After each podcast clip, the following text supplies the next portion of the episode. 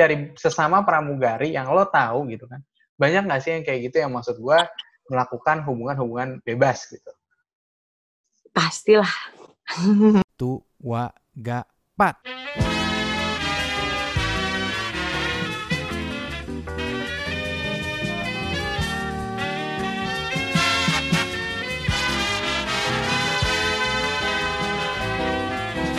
Anda sedang mendengarkan The Bernhard Para Show. Barang Putih Andini, seorang pramugari di Qatar Airlines dan dulu pernah kerja kantoran, lulusan UI jurusan sastra Belanda. Wih, lengkap ya? lengkap juga. nah, oke, okay. sekarang kita mau fokus bahas tentang multikultur. Gue inget banget dulu waktu gue ketemu di UI bareng lu pertama kali yang lu pernah ngomong, gue belum tahu ya waktu itu lu pengen jadi pramugari, gue nggak tahu pun. Mm-hmm. Tapi lo pernah ngomong gini nih, ini ngomongin soal kultur dan ini menarik banget kalau gue ngomong sama lo karena kultur kita emang beda sama internasional, gitu kan? Pasti. Um, lo pernah bilang gini, gue kalau mau nyari pasangan pengennya orang bule. Jadi mau gitu sama gue. Terus kayak, kayak kenapa put harus orang bule? Oh, orang kita kenapa? Ini gue Aduh. yang bukanya. Oh banget nih. Itu aib ya, gue. Dibahas dong. Kenapa? Kenapa, Put? Kenapa memang? Enggak sih, sebenarnya lebih gimana ya? Gimana sekarang? Uh, aduh, gue juga sebenarnya ini tuh banyak banget sebenarnya cuma opini aja ya. Iya, ini opini, opini ini, ini nih, dan... opininya putih lah, belum tentu paling benar juga gitu. Sebenarnya gue juga gimana pengen mengemukakan pendapat pun kadang gue ragu karena gue tuh nggak suka orang jadi orang yang kontroversi lah istilahnya. Iya iya iya. Harus mengedukasi pun. Betul. Jadi gini, uh, gue itu suka nggak cuma orang bule sih sebenarnya, hmm. tapi lebih ke lebih open minded dan lebih gimana ya? Sekarang masih cerita tentang pasangan hidup. Aduh, gitu secara jomblo. Halo sekarang jomblo nih? Enggak sih, Bang. Gue cuma lagi fokus sama apa yang gue lagi mau aja. Hmm. Tapi ya gini kan seiring berjalannya waktu kan orang bisa berubah gitu kan pandangannya. Gue tahu Betul. lah dulu pandangan lo kan baru lulus kuliah, maksudnya belum belum belum belum kerja juga gitu kan belum banyak banyak hal yang lo mau adalah hal yang masih angan-angan lo kan. Dan Betul. lo pengen waktu itu gue kalau nikah pokoknya kalau pasangan gue harus bule gitu dulu kan. Tapi kan sekarang bisa aja berubah nih karena gue udah melihat proses dua tahun lebih nih apakah itu berubah buat apa emang tetap lo pengennya gitu aja? Bagaimana sih? Emang belum ketemu orangnya Ben. Nggak bisa dijelasin juga. Jadi jadi mau mau lo lo lo istilahnya pasangan lo boleh mau mau Indonesia nggak jadi masalah buat lo ya? Iya nggak jadi masalah. Nah berarti sekarang yang yang kuncinya adalah bukan masalah bule atau Indonesia tapi lebih ke kayak apakah orang tersebut open minded atau enggak ya enggak betul. Betul. Ya kan? Yang dikatakan open minded itu saat gimana sih Put? Kalau menurut gue itu gimana ya? Lebih well susah sih. Itu luas banget sih sebenarnya hmm. definisi dari open minded itu dan semua orang mendefinisikan mendefinisikannya berbeda-beda. Kalau menurut gue mungkin lebih open ke other culture di mana Indonesia itu lebih yang kayak misalnya uh, gue muslim terus nanti gue nggak mau lah bergaul sama yang Kristen atau gimana atau lebih yang lebih apa ya gimana ya nggak mau menerima culture lain masuk ke dalam diri kita hmm. gitu kayak mungkin sorry mas kita bahas politik sih di sini Gak apa-apa dong. Bebas, bebas, bebas. Boleh, boleh. Bebas di sini, ruang terbuka. Oke, oke. Okay, Sekarang gini, gue sebenarnya juga lagi agak geram dengan diri gue sendiri, bukan hmm. diri gue dan masyarakat. Menurut gue masyarakat Indonesia itu salah satunya gue, ya, masih kurang membaca. Kurang Di mana membaca, membaca itu. Okay. Ya, budaya membaca itu amat sangat penting.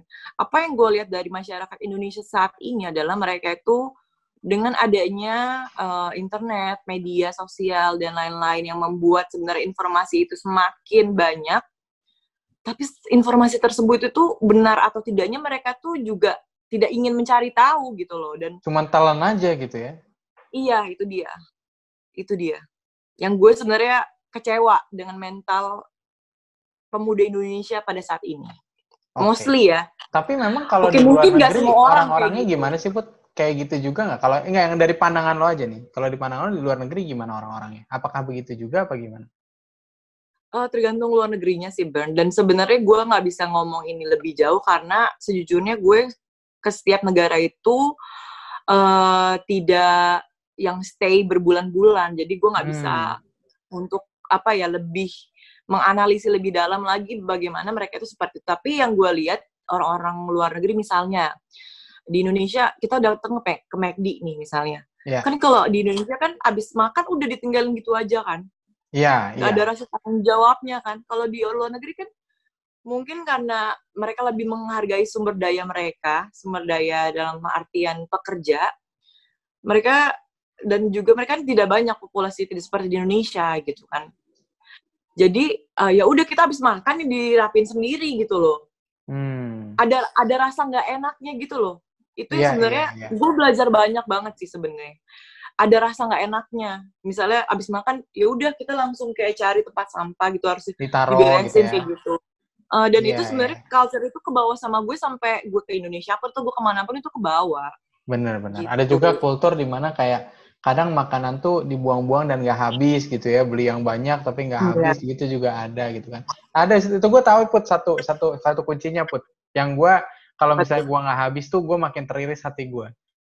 Kenapa tuh? Suruh mereka masak rendang. Sumpah ya. Setelah gue belajar pegel, masak rendang, ngaduknya pegel banget bu, beneran. itu kalau ada satu serpihan rendangku yang nggak habis tuh, yang rendangnya bikinan gua gitu, gua, aduh sakit banget hati gua. Capek put bener panas, kecipratan minyaknya pas udah mau kering gitu kan. Suruh mereka masak rendang, pasti gue yakin mereka Nah. mikir dua kali kalau lain makan. Uh. gitu. Karena gue juga sekarang jualan rendang. Wih, promo. Wih, dia promosi dadakan.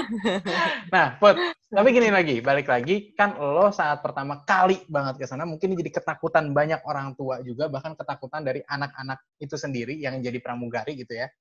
Pertama kali ke Qatar itu udah langsung multikultur, ada orang UAE, ada Eropa segala macam pramugari dari berbagai negara gitu kan. Afrika Nah. juga ada BTW. Afrika juga gitu kan. Pengalaman lo gimana tuh? Kayak lu pertama grogi gitu nggak sih? Kayak ketemu orang kayak lu ngerasa yang ngomongin bahasa Inggris kita bukan native kan? Kita kan bukan dari lahir keluar langsung bahasa Inggris gitu kan? Langsung hello mau gitu kan kayak gitu kan?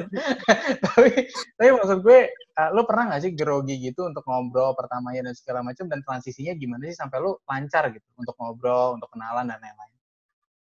Sebenarnya gimana ya? Ini sih kalau hal ini sebenarnya jauh dari sebelum gue ke Qatar. Maksud dalam artian ketika prosesi untuk interview itu sendiri sebenarnya kita dituntut untuk percaya diri. Hmm. Dari situ ya udah muncul rasa percaya diri. Mungkin awal-awalnya gimana ya? Mungkin karena awalnya gue belum terlalu banyak tahu bagaimana culture lain dan bagaimana menghadapi orang-orang dari culture tertentu gitu. Jadi gue dulu awal-awal sih cuma observe aja, terus baru nanti eh, ya berinteraksi juga, tapi yang nggak banyak, cuman lebih yang lebih ya udah iya aja gitu. Indonesia tuh apa ya Asia tuh culture-nya lebih enak sih. Jadi kita lebih bisa masuk ke mana-mana. Kalau menurut Oke. gue pribadi. Kenapa tuh? Lebih bisa masuk mana-mana karena kita kenapa? Indonesian people are very friendly. Dia tuh gampang di approach orang, approachable banget gitu loh. Hmm. Gue pernah nih punya pengalaman ke Itali. Di mana orang Itali itu mereka kebanyakan nggak bisa bahasa Inggris. Jadi Oke. susah kan komunikasi. Gue ke sana, ti- gue gue nyasar, nggak tahu jalan, nanya sama orang itu udah malam ya. Dan mereka tuh nggak ada yang bantu dan nggak ada yang berusaha mau bantu. Itu gue emosi sih sebenarnya. Itu lu coba ke langsung beberapa kayak- orang gitu ya? Iya, sedangkan gue yakin kalau di Indonesia lo kayak gitu pasti langsung dibantu. Iya, pasti mau ke mana Walaupun mas orang gitu Indonesia- kan? Iya Nah, kan? walaupun misalnya gini, walaupun orang Indonesia itu nggak bisa bahasa Inggris, tapi mereka pasti berusaha Iya, buat iya. ngebantu.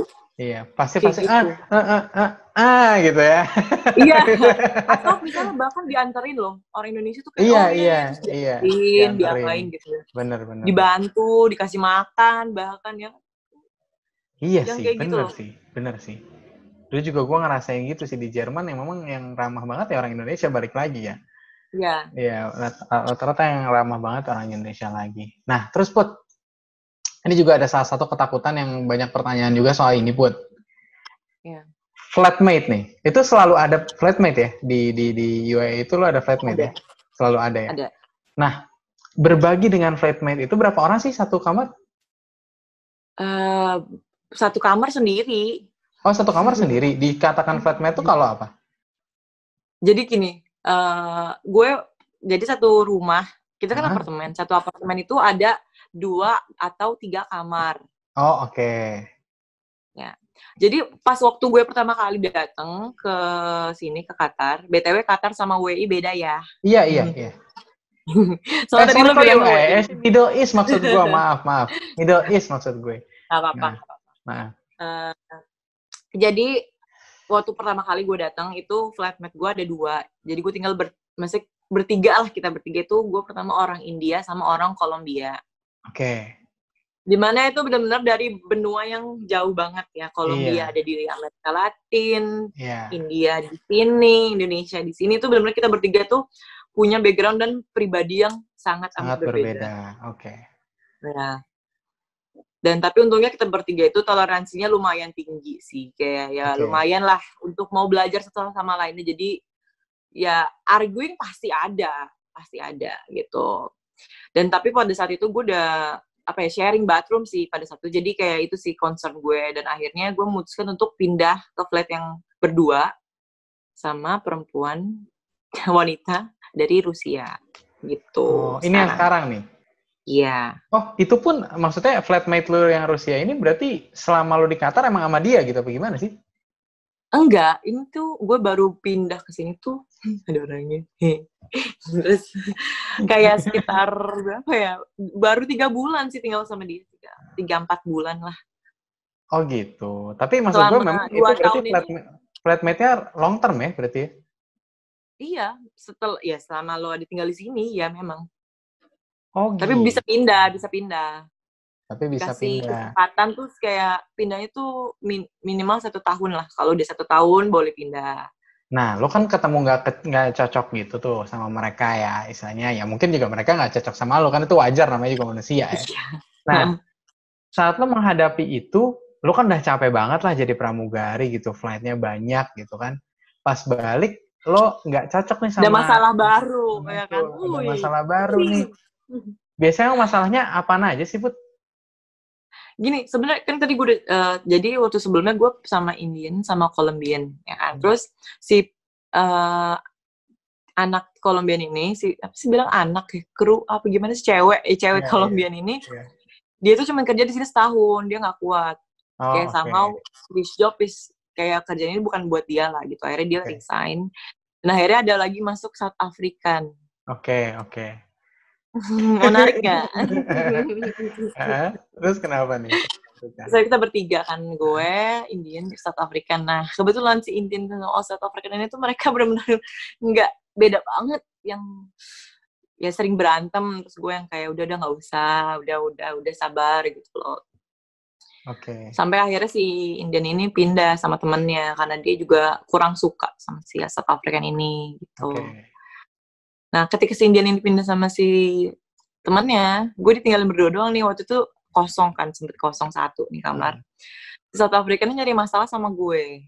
Emang kayaknya dia pengen berantem sih. Hobi kali ya. Kayak hobi. yang satu udah nggak ada, yang nggak diajak berantem, gue yang diajak berantem. Ya udah Iya. akhirnya. Tapi oke sih, sekarang kita oke sih. Gitu. Iya, ya profesionalisme aja ya. Ya, Ya, jadi tapi istilahnya salah satunya karena- Karena memang tujuan gue, gue nggak pengen sharing bathroom sih, nggak enak banget. Itu sharing bathroom kan lebih ke privacy ya. ya akhirnya gue pindah. Iya, iya. Oh, kalau di kalau di yang sekarang udah nggak ada sharing bathroom nih ya. Enggak, sendiri-sendiri. Ba- Bathroom. Bathroom tuh bahasa Indonesianya ini ya, kamar mandi ya, teman-teman. Kamar mandi. Tetap eh, gue gue kenapa gue sering banget mentranslate di konten-konten gue karena nggak semua orang di Indonesia mengerti bahasa Inggris. Betul. gue pengen ini dinikmati dengan semua orang lah intinya gitu. Betul. Oh, Ya, baik. Dan put balik lagi kultur kan beda eh di Indonesia yang tabu di di luar belum tentu tabu bener gak? Betul sekali. Iya kan di Indonesia kan banyak banget nih yang tabu nih misalnya kayak Oh, oh ya teman main ke rumah cowok nggak boleh misalnya gitu atau enggak misalnya uh, apa namanya ya tadi hot pants nggak boleh gitu kan bla bla bla banyak lah istilahnya yang kultur ya maksud gue tiap negara punya ini masing-masing gitu kan ya misalnya kayak hmm. bisa dibilang di Belanda marijuana aja legal kan? Oh iya. Gitu. di sini enggak gitu kan. Ya jadi maksud gue uh, balik lagi nih saat lu hal-hal kayak gitu pernah nggak sih kayak flatmate lu misalnya bawa cowok ke rumah gitu dan dan istilah dia ngomong ke lu gitu loh terus lu responnya gimana? Uh, gimana? Biasa aja sih. Nggak apa-apa gitu. Nggak apa-apa sih. Ya nggak apa-apa itu dia kan ngomong kan kadang nggak ngomong sih waktu yang dulu ya sekarang sih karena lagi pandemi ini nggak boleh ada yang datang Oh gitu. Tapi tapi itu tapi sering nggak sih yang datang-datang itu dari berbanyaknya orang ya. Balik lagi kita nggak stereotyping dia dari mana gitu ah. kan. Hmm. Tapi dari sesama pramugari yang lo tahu gitu kan. Banyak nggak sih yang kayak gitu yang maksud gue melakukan hubungan-hubungan bebas gitu? Pastilah. pastilah ya. Dari pengalaman lo di di sini uh, berapa persen sih pun? Yang kayak gitu? Persentasenya itu balik lagi sih. Kalau itu bukannya culture ya itu lebih ke personal apa ya personal apa ya namanya? Ya gimana ya bahasnya ya? Aduh seks lagi. Susah ya.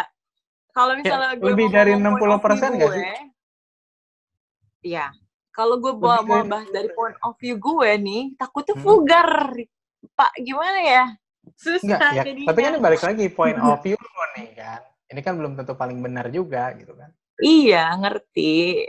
Takut salah ngomong. Masyarakat Indonesia nih. nah, tapi balik lagi nih, kan kita udah tahu kayak gitu. Tapi kan sa, sa ya istilahnya orang kan punya preferensi yang masing-masing kan, dan nggak semua orang begitu, ya nggak sih? Nah, Betul. Nah, tapi kalau dari lo sendiri melihat hal itu, ya kalau misalnya udah lebih dari 60% berarti kan itu udah jadi hal yang sangat biasa ya nggak sih? Iya. Gue nggak ngomongin sampai mereka ini nih sampai mereka tidur bareng, gue nggak ngomong sampai situ, sampai main ke rumahnya, main ke flatnya aja itu pasti sering banget ya nggak sih? Itu hal biasa sih. Udah biasa hal biasa. Ya. Udah sangat biasa. Mungkin kalau tidur bareng itu hal yang biasa tapi tidak sebiasa yang main doang ya. Hmm. Karena tapi kalau misalnya di Qatar, gimana sih? Sorry sorry, gimana gimana? Gimana? kalau di Qatar itu kita uh, cewek cowok nggak boleh stay bareng. Kita kan ah. gedungnya beda. Oke. Okay. Kita gedungnya beda dan nggak boleh stay bareng, nggak boleh nginep bareng. Misalnya boleh berkunjung tapi ada jamnya gitu loh, kayak jam oh, besuk. Ada jam besuk. Oke, oke, oke. Tapi kayak ya banyaknya kos-kosan di di kota-kota besar juga ada jam besuk dilanggar ada aja ya putih.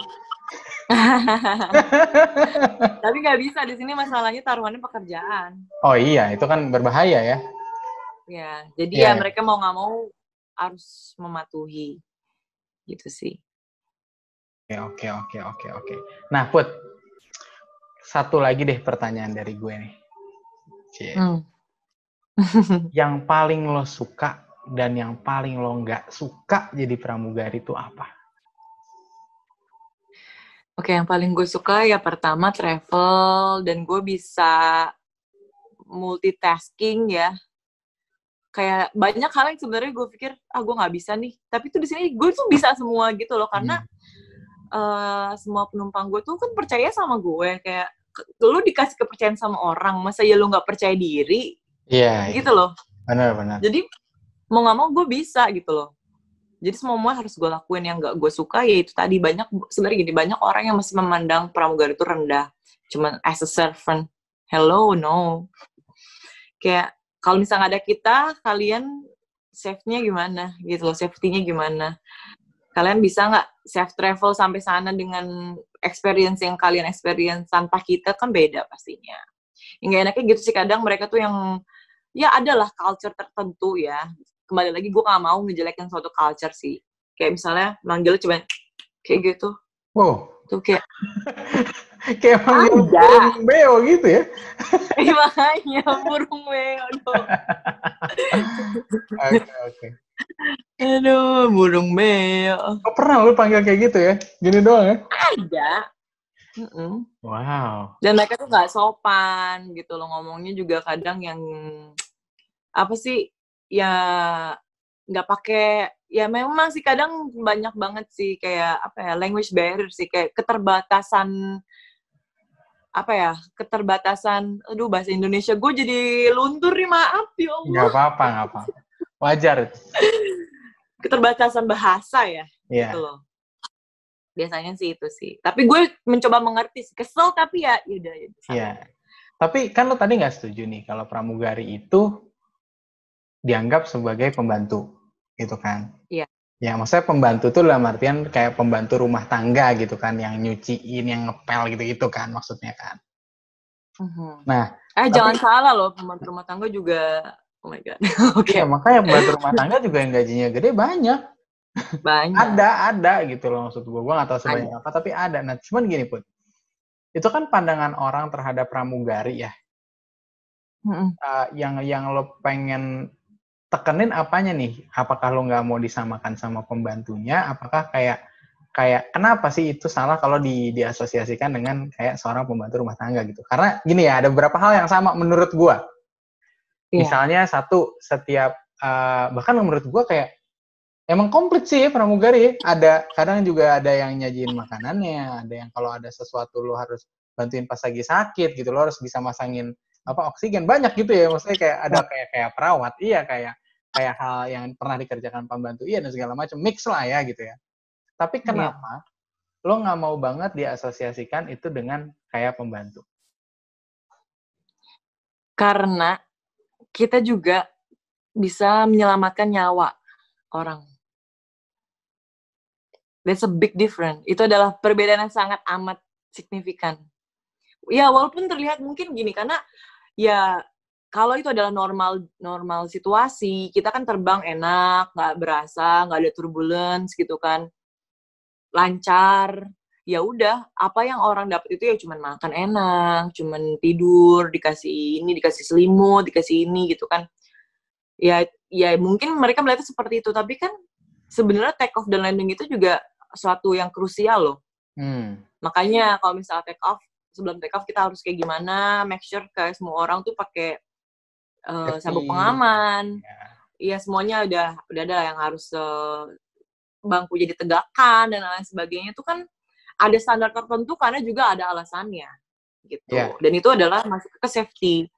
Dan kita juga banyak hal misalnya orang yang misalnya kena serangan jantung gitu. Let's say kita yang nanganin itu orang pertamanya kita. Nggak boleh ada orang misalnya yang ya sebenarnya boleh sih. Itu pun juga last resort apa ya sumber terakhir yang misalnya jadi itu memang ada prosedurnya gitu loh. Misalnya pertama kita nih sebagai seorang kru kita harus ngebantu mereka semaksimal mungkin.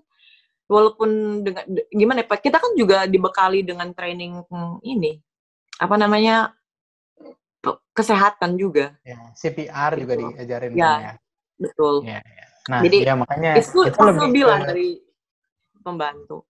Nah, itu dia makanya yang gue lihat mungkin lebih ke cara manusia menghargai manusia lain, bener nggak sih? Betul, betul Ya, sekali. karena- Karena balik lagi ya, gue sih, gue jujur gue menghargai semua pekerjaan termasuk OB, termasuk eh, eh, eh, em, apa namanya hanya untuk yang ngelapin kaca rumah doang gitu. Kenapa? Karena gini, balik lagi ya. Kalau sekarang Bernhard Faras atau Putih Andini gitu kan, tidak mungkin ada ada yang mungkin yang bantuin di rumah gitu kan, ada yang mungkin eh, bantuin ngepelin rumah atau misalnya bantuin eh, motongin pohon atau enggak sekedar cuman minta tolong bawain sesuatu atau nyiapin cucian. ya, Itu aja kalau nggak ada mereka pasti hidup lu bakal jauh lebih susah ya nggak sih? betul. Bener Gini nggak loh sebenarnya juga eh, gini, ketika gue pergi dari rumah jauh nih, misalnya 8 jam, saya 9 jam dari Jakarta ke Doha. Itu banyak hal yang bela- yang gue belajar. Pertama, di mana pun kita berada, kita harus respect orang dan ketika gue datang ke negara Qatar banyak banget imigran kayak pekerja dari negara India, Pakistan, Bangladesh, Nepal, di mana mereka yang misalnya sorry ya lebih yang ke bawah lah negara-negara ke bawah gitu. Gue jadi ngelihat semua orang pekerjaan apa pun mereka tuh kerja mereka punya alasan masing-masing, entah itu menghidupi keluarga, mungkin mereka punya anak yang sakit atau dan lain-lain orang tua yang harus mereka hidupi. Jadi gue belajar untuk menempati diri gue di posisi orang lain. Hmm. Itu. Gue lebih respect sama orang lain. No matter what. Itu sih. Dengan pekerjaan ini ya.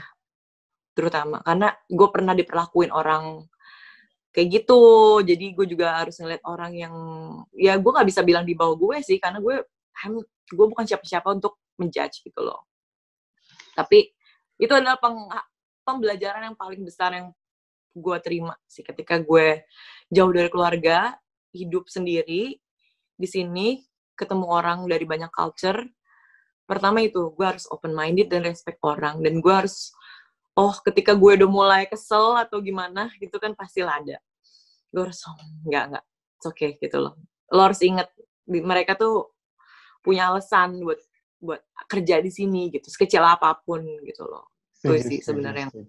Gue senang banget sih dengan dengan percakapan kita hari ini karena gue ngelihat banyak perubahan juga nih dari Putih Andini walaupun kita dulu oh. banyak uh, ngobrolnya kita baru dua kali doang ketemu tapi gue lihat banyak mindset yang terbuka saat lo menjajaki dunia baru internasional uh, culture itu balik lagi dan kayak lo lebih terbuka lagi mungkin dengan itu dan menurut gue sekali lagi selamat gitu. Karena lo sudah mencapai cita-cita lo lo mencapai apa yang lo mau sekarang ada masalah baru justru ya setelah mencapai cita-cita adalah saving.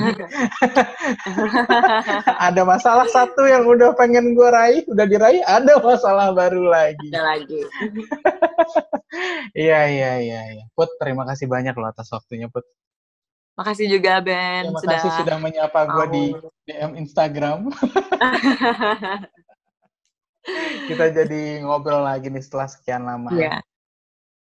Betul. Oke, okay, sukses selalu, harus. be safe always Putih Andini. Nanti kalau kita ke Jakarta kita ngopi atau ngeteh lagi ya. Harus, kita harus ketemu. Siap, siap, siap. siap. Oke teman-teman, balik lagi kalau kamu misalnya suka dengan konten ini, tolong di like aja. Kalau nggak suka, dipencet yang ini, tolong yang ini. Gue coba tangan gini, biar kalau nggak suka dia giniin gitu. Nah, tolong mencet yang ini ya. Tapi kalau misalnya lo mencet yang mana pun, pokoknya jangan lupa komentar dan share ke teman-teman lo biar kita bisa makin banyak tahu tentang kehidupan orang lain juga dan bisa terinspirasi dari itu dan mungkin ada informasi yang belum mereka tahu dan kita jadi tahu sekarang. Oke, okay, nah, thank you banget. Have a great day. Terima kasih Ben, makasih, bye.